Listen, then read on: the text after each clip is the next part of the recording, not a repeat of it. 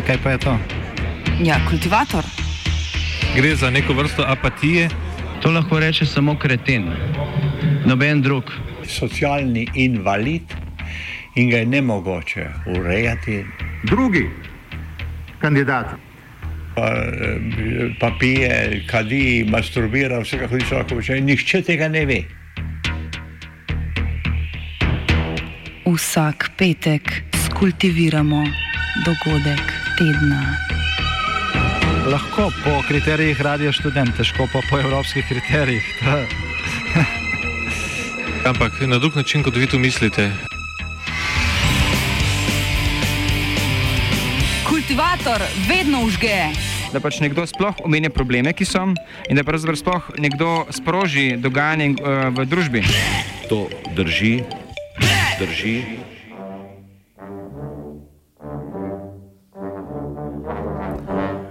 Sodba v imenu ljudstva.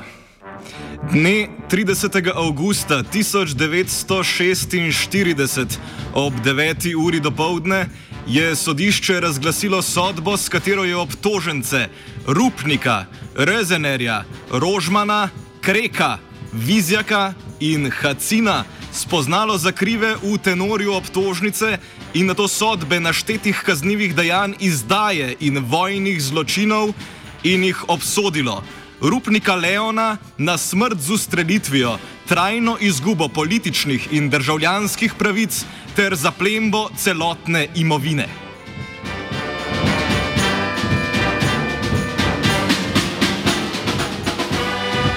Kot župan mesta Ljubljane je Leon Rupnik s svojim upravnim aparatom in zlasti po sekretarju Podhorskem, fregatnem kapetanu Janku Kregarju in generalnem tajniku Jančigaju vohunil in javljal za okupatorja podatke za izvajanje njegovega terorja nad slovenskim narodom. Uvajal v urade italijanski jezik, propagiral fašistični tisk, preimenoval nekatere ljubljanske ulice z imeni fašistov in domačih izdajalcev in ponovno nastopal z govori na različnih okupatorjevih prireditvah skupno s predstavniki okupacijske vojske, civilne uprave in fašistične stranke ter najvidnejšimi predstavniki domače protiljudske klike, zlasti soobtoženim Gregorijem Rožmanom. Če se celo Rusi Ukrajinci in kavkaški narodi mnogoštevilno in zelo hrabro bijejo proti bolševizmu in velebogataštvu, se moramo tudi mi Slovenci, ki bivamo na valnem prostoru naše zemlje, z vsemi sredstvi boriti in delati, da iztrebimo na vsem področju, ker bivajo Slovenci, predvsem najpomembnejše in najbolj pošastno židovsko orožje, očitni in svetli bolševizem. Kot šef pokrajinske uprave je Rupnik v septembru 1943 po posvetovanju z vršilcem dolžnosti ljubljanskega župana Jančigajem imenoval za šefa policije soobtoženega Hacina, po njem organiziral tako zvano politično policijo in kasneje specialni vod te policije. Vsi oddelki policije so bili pod nadzorstvom soobtoženega Rözenerja in zvezdnega vodje gestapa Duše. Tako je gestapovska policija s slovenskimi izdajalci, spadajoča v sestav pokrajinske uprave, katere šef je bil obtoženi Rupnik, izvajala teroristične metode v Ljubljani in v podeželju, ter pri tem kot podaljšana roka gestapa izvršila tisoče najtežjih in krvavih zločinov nad našim narodom. Mm-hmm.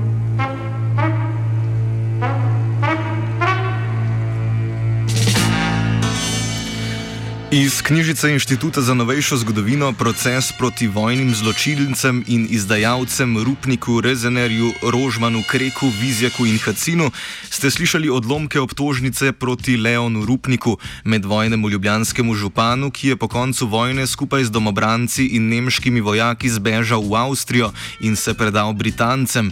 Ti pa so ga v začetku leta 1946 vrnili v Jugoslavijo, kjer je bil obsojen za kolaboracijo s fašističnimi in nacističnimi okupatorji.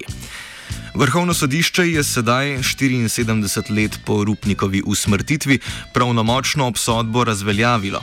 Sodbe sodišče ni razveljavilo le v delih, v katerih je ugotovilo, da ni bila dovolj utemeljena in to ne v skladu z današnjim kazenskim zakonikom, ampak glede na zakonodajo, ki je veljala leta 1946. Sodniki se niso strinjali z državnim toživstvom, ki je opozarjalo, da je Rupnik očitana dejanja priznal, sodba pa naj v tem primeru ne bi potrebovala obrazložitve o njegovi krivdi. Sodniki so trdili, da je tako danes, tedaj veljavna zakonodaja, pa ni poznala postopka o priznanju krivde, zato bi sodišče njegovo krivdo moralo v celoti obrazložiti.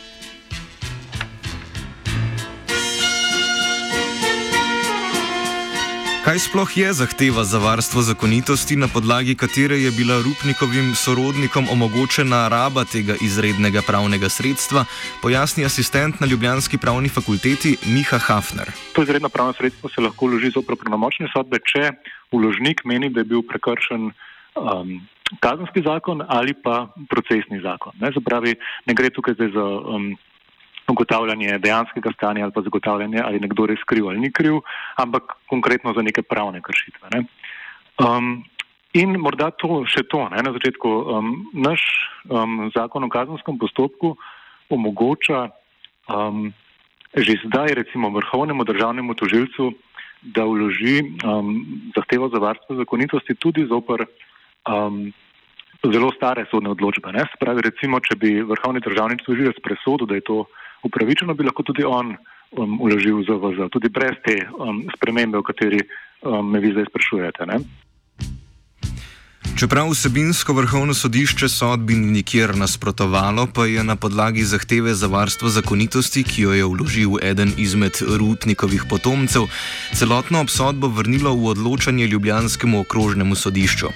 Ker pa sodišče ne more soditi mrtvi osebi, bo, kot se strinja odvetnik Blaž Kovačič Mlinar, toživstvo obtožnico najverjetneje umaknilo. Podobno se je zgodilo tudi v primeru škofa Gregorija Rožmana, obsojenega skupaj z Rupnikom. Primer Rožmana je leta 2007 vrhovno sodišče vrnilo na Ljubljansko okrožno sodišče, kasneje pa je toživstvo samo umaknilo obtožnico. Obdolžen je seveda umrl in eh, če je, bi rekel, obdolženi mrtev, se kazenski postopek ustavi. Tako da, kar se tega tiče, lahko sem domnevam, da bo potem kazenski postopek eh, najverjetneje ustavljen.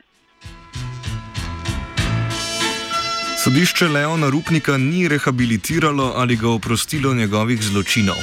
A ker je razveljavilo celotno sodbo in ne zgolj delo, v katerih ni dovolj utemeljena, je pravno formalno Leon Rupnik postal nedolžen oziroma zanj velja domneva o nedolžnosti. Pojasni Miha Hafner. Vrhovno sodišče ni ničesar povedalo o tem, um, o krivdi Leona Rupnika v, v, um, glede učitanih kaznjivih dejanj. Sprav, glede tega vprašanja se niso dotaknili, ker se ga zahteva v varstvu zakonitosti niti ne smejo. Ne? Sprav sodišče se v samo presojo um, takratnega sodišča ni vtikalo, ker se ne sme.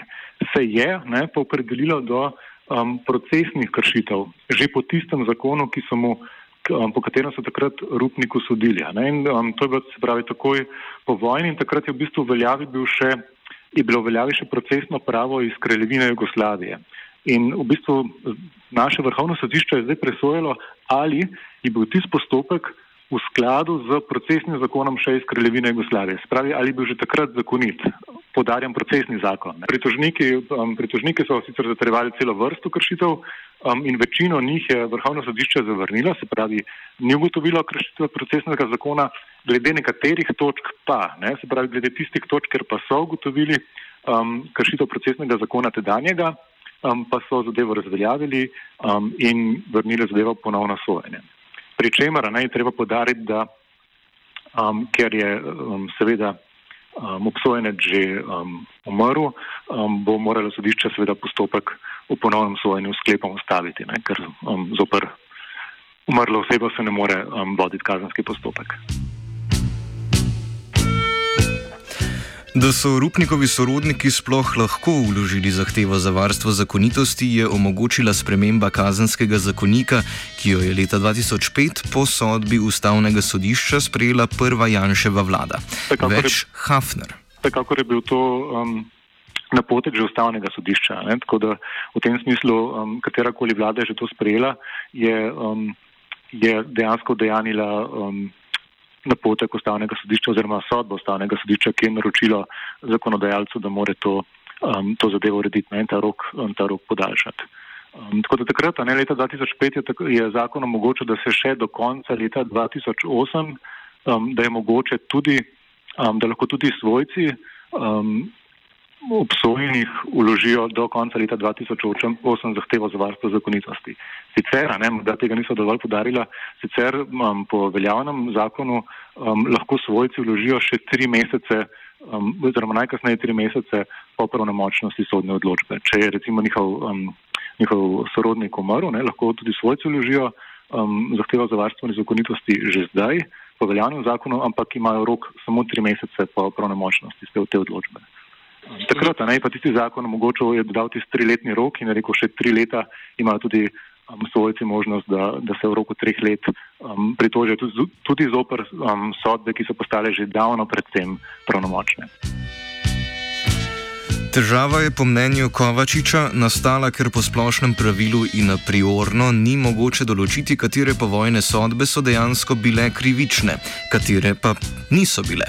A spremembe v kazenskem zakoniku počno prav to. Uh, res je, da določeni postopki po, to vsi vemo, ne, uh, drugi svetovni vojni so bili nezakoniti, so bili arbitrarni, šlo za tako imenovane montirane procese, sem že omenil Dahovske.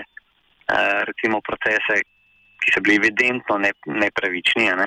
in jih je treba razveljaviti, jih je treba, bi rekel, obdolžen se tam oprostiti tudi za nazaj in popraviti krivice, seveda določeni eh, postopki, kjer so sodili pa vojnim zločincem, pa najverjetneje pač bi bili v vsakem primeru obsojeni, tako ali drugače. Ne? Ampak težko je vnaprej, ne? Postaviti kriterije, te sodbe, v te sodbe se sme posegati, v te sodbe se pa ne sme posegati. In potem, če dovolimo posege za tiste sodbe, ki pač so, eh, bi rekel, evidentno nepravične, ne, potem odpremo tudi vrata za posege v te sodbe, za katerih je zdaj pač seveda javnost, bomo rekli, eh, zgrožena, ne, da, da eh, lahko je prišlo do razveljavitve. Leon Rupnik je v zgodovinskem spominu najbolj znan kot kolaborant iz časa druge svetovne vojne. Kot pojasni Bojan Godeša z Inštituta za novejšo zgodovino, pa je ta že v medvojnem času igral pomembno vlogo v vojski kraljevine SHS, o tem pa priča Rupnikova linija v Trdp na takratni meji z Italijo. Ta danes razpadajoča linija bunkerjev je bila zgrajena ravno v letih pred izbruhom druge svetovne vojne, a ni nikoli služila svojemu namenu, saj se je vojska svojih položajev umaknila še pred prihodom prvega vojaka fašistične Italije. Leon Rupnik uh, je bil. Uh če se vrnemo, ne, če se ne ustavimo samo v času druge svetovne vojne, uh, pred drugo svetovno vojno v okviru kraljevine Jugoslavije, uh, menda celo edini uh, slovenski general, skratka slovenec z zlivom uh, general, mislim, da je bil divizijski general. Uh, skratka, sprav bil je vojaška oseba, seveda Uh, po rojstvu je, mislim, da iz Banjske planote, rojen seveda že v času monar uh, dvojne monarhije ne? in zdaj tudi ne, mislim, da je imel že takrat eh, vojaški status. Kako je zdaj uspel točno priti do tazga položaja v jugoslovanski vojski, kjer pač iz, iz področji, ki so uh, bila po, drugi, po prvi svetovni vojni del uh, skupne države, jugoslovanske, seveda vsi tisti vojaški ča, častniki uh, niso najlažje napredovali na položaje visoke v vojski. Vemo, da sta bile pač kraljevina Srbija in Avstralska v vojni, skratka, pa to ne pomeni, da so ti ljudje uh, neposredno rekel, bili v vojnem spopadu, ampak so jih ne radi sprejemali. Zato pač v tem kontekstu pravzaprav ne vem, kako je njemu uspelo v navednicah, da se je dokopal do tega položaja. Ne. Potem znan je bil tudi zdaj, celo bolj znan rupnik, se po njem imenuje ta rupnikova linija, to je pač tudi še iz tega predvojnega obdobja v času med obema vojnama. Rupnik ni preveč zameril Italijanom, ki so zlahka prekorakali njegovo linijo. Ko so prišli do Ljubljane, pa je bil Rupnik kmalo na voljo za sodelovanje. V času okupacije pa se je že, uh, uh, zdaj smo pa že v času druge svetovne vojne, je seveda živel v uh, Ljubljani. Mislim, da o aprilskem uh, vojni se ni posebej izpostavil ne v taki ne drugačni obliki, mislim, da je bil celo v štabu v Zagrebu, ampak uh, no, potem je vsekakor živel v Ljubljani. In se je že izpostavil, uh, in to že v smeri, ki jo je potem po kapitulaciji Italije še bolj izostril, uh, kot da je bil za ljubljanskega župana uh, poleti 42. Namreč uh, italijanske oblasti so ga. Uh, Beku, nekako pridobile, da je postal uh, župan, uh, ljubljanski župan. Že pri tem se je, uh, vsaj po nekaterih, ki niso 100% preverjenih podatkih, zauzemal za oblikovanje uh, oboroženih oddelkov, sestavljenih iz domačih ljudi, pa slovencev, uh, ki bi pomagali italijanskim oblastem, v navednicah pomagali, seveda, uh, proti zatiranju, kot so temu rekli, uh, partizanskega gibanja ne, in, in to z motivacijo, da oni bolj obvladajo ta posel, kot pa neki italijani. Skratka, bil je pa to seveda uh, že ena takih prvih stvari, kjer se je pač eksponiral uh, uh, Rupnik. Po kapitulaciji Italije v jeseni leta 1943 so v Rupnikovo Ljubljano ukorakale nemške čete, ki so bile deležne toplega sprejema strani lokalnih oblasti. Ko pride do kapitulacije Italije, ki pomembno spremeni uh, razmerja v tem uh, prostoru, namreč um, italijanska uh, upravni aparat in vojska se iz Ljubljanske pokrajine uh, mora umakniti, pride pa uh, nemška nadoblast, ki pa na tem ozemlju ustanovi operacijsko območje Adransko primorje, kjer pa je bila Ljubljanska pokrajina samo eden od teh uh, delov. Uh, ozemlja, kjer pa se odločijo za politiko, ki je nekako prilagojena, uh, bi rekel, uh, center tega uh, operacijskega območja Dransko primorje je bil Trsto, sicer Rainer ga je vodil, to je bil nemški, uh, oziroma drugače Avstrijci, sicer, ampak uh, nemški uh, poveljnik. Bistvo tega pa je bilo, da ustvarijo tukaj take razmere, da bi združili, vemo, da je bilo to multietično področje, da združijo vse sile na ta način, da bi jih organizirali, kot se temu rekli, proti bolševiški nevarnosti. V tem kontekstu pride tudi tega, da Ljubljanska provinca, Ljubljanska pokrajina, ki je bila sicer 3. 5. 41 anektirana strani kraljevine Italije in to stanje tudi uh, nemška nadomlast še naprej priznava, skratka to ozemlje uh, z vidika rekel, nemških oblasti, ki sem pridajo, vedno, še vedno sodijo v okvir italijanske države.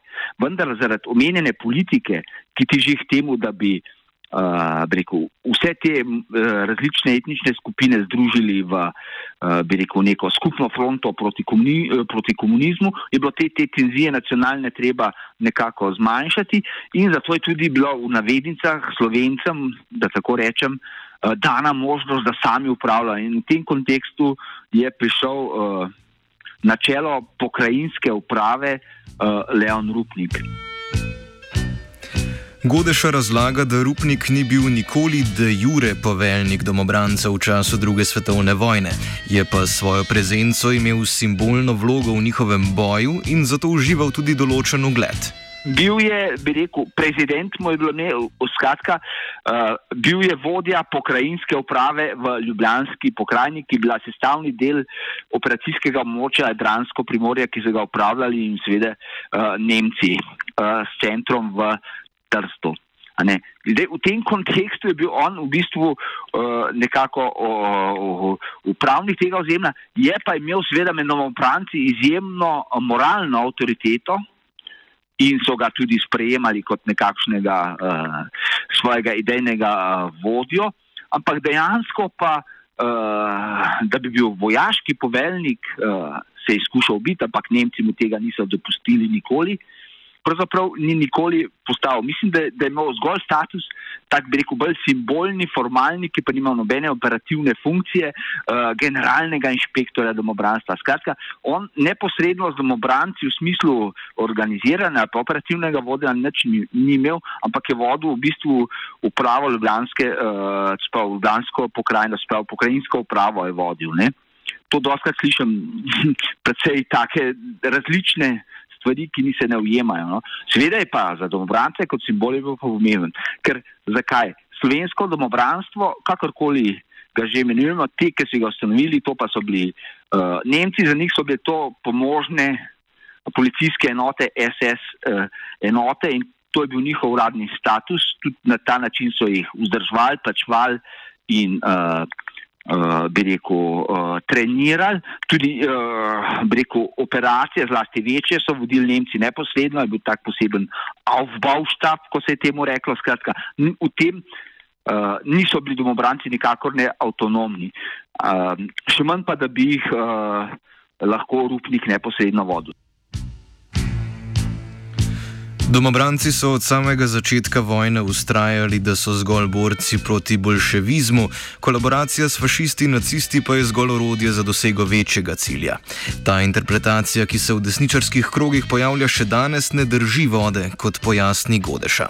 Oni so stavili na to, vsaj od začetka, da oni so sicer na strani zaveznikov, priznavajo za, uh, tudi jugoslavijsko imigransko vlado, konec koncev sta bili tudi dva predstavnika SLS v njej, skratka so na zavezniški strani, ampak se borijo na domačih tleh proti komunizmu, zgolj zaradi njihovega nasilja, skratka gre za samo obravno delovanje in, ti, in da to, kar se borijo, ti oboroženi oddelki, ki se delujejo najprej milicija, voluntarji, antikomunista in da to slovensko domobranstvo, da to gre za po mednarodnem pravu zadovoljene uh, enote in zadovoljeno samo obrambo, kar seveda je bila, uh, da tako rečem, precej za lase privlečen razlaga, uh, rekel, uh, je, s katero so hoteli upravičiti svojo uh, kolaboracijo z silami osi. In kot takih so jih kot sile vsi, so jih tudi uh, seveda uh, zahodni zavezniki uh, razumeli. Skratka, te njihove interpretacije niso vzeli na znanje kot, uh, bi rekel, vredostojne razlage, ampak so bili za njih uh, preprosto del ostalih kolaborantskih sil kot drugot po uh, Evropi. Rupnik pa nikoli ni skrival svoje naklonjenosti okupatorjem in njihovim skrajno desnim ideologijam. Je pa seveda uh, Rupnik bil v tem kontekstu še bolj izrazito, bi rekel, uh, je imel tudi stališča, ki so kazala na njegovo, bi rekel, celo filonacistično. Uh, in pa zlasti pro-nemško stališče v tem smislu, da je bil prepričan, da so Nemci, da bodo vojni zmagali, In seveda imel je tudi javne izpade, antijudovske, do antikomunistične, to je popolnoma logično. Skratka, v vsem tem kontekstu se je še je v svojih nastopih bil nekako še bolj uh, blizu, bi rekel, da rečem, te uh, uradni nacistični filozofiji v vseh njegovih segmentih, tako tudi v rasni teoriji, antisemitizmu.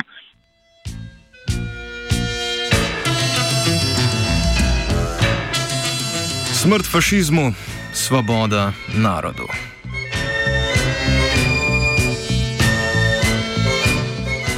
Kultiviral je Martin.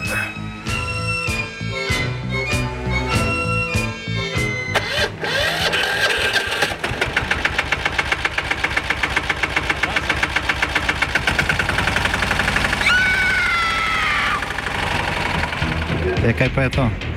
Ja, kultivator gre za neko vrsto apatije.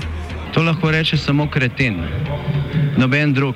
Socialni invalid in ga je ne mogoče urejati. Drugi kandidat pa, eh, pa pije, kadi, masturbira, vse kako ti človek počne. Nihče tega ne ve. Vsak petek skultiviramo dogodek tedna. Lahko po kriterijih radio študent, težko pa po evropskih kriterijih. Ampak na drug način, kot vi to mislite. Kultivator vedno užge. Da pač nekdo sploh omenja probleme, ki so, in da pravzaprav sploh nekdo sproži dogajanje uh, v družbi. To drži, drži. Kdo je to napisal? Punca sama? Jaz, je dobro, ne?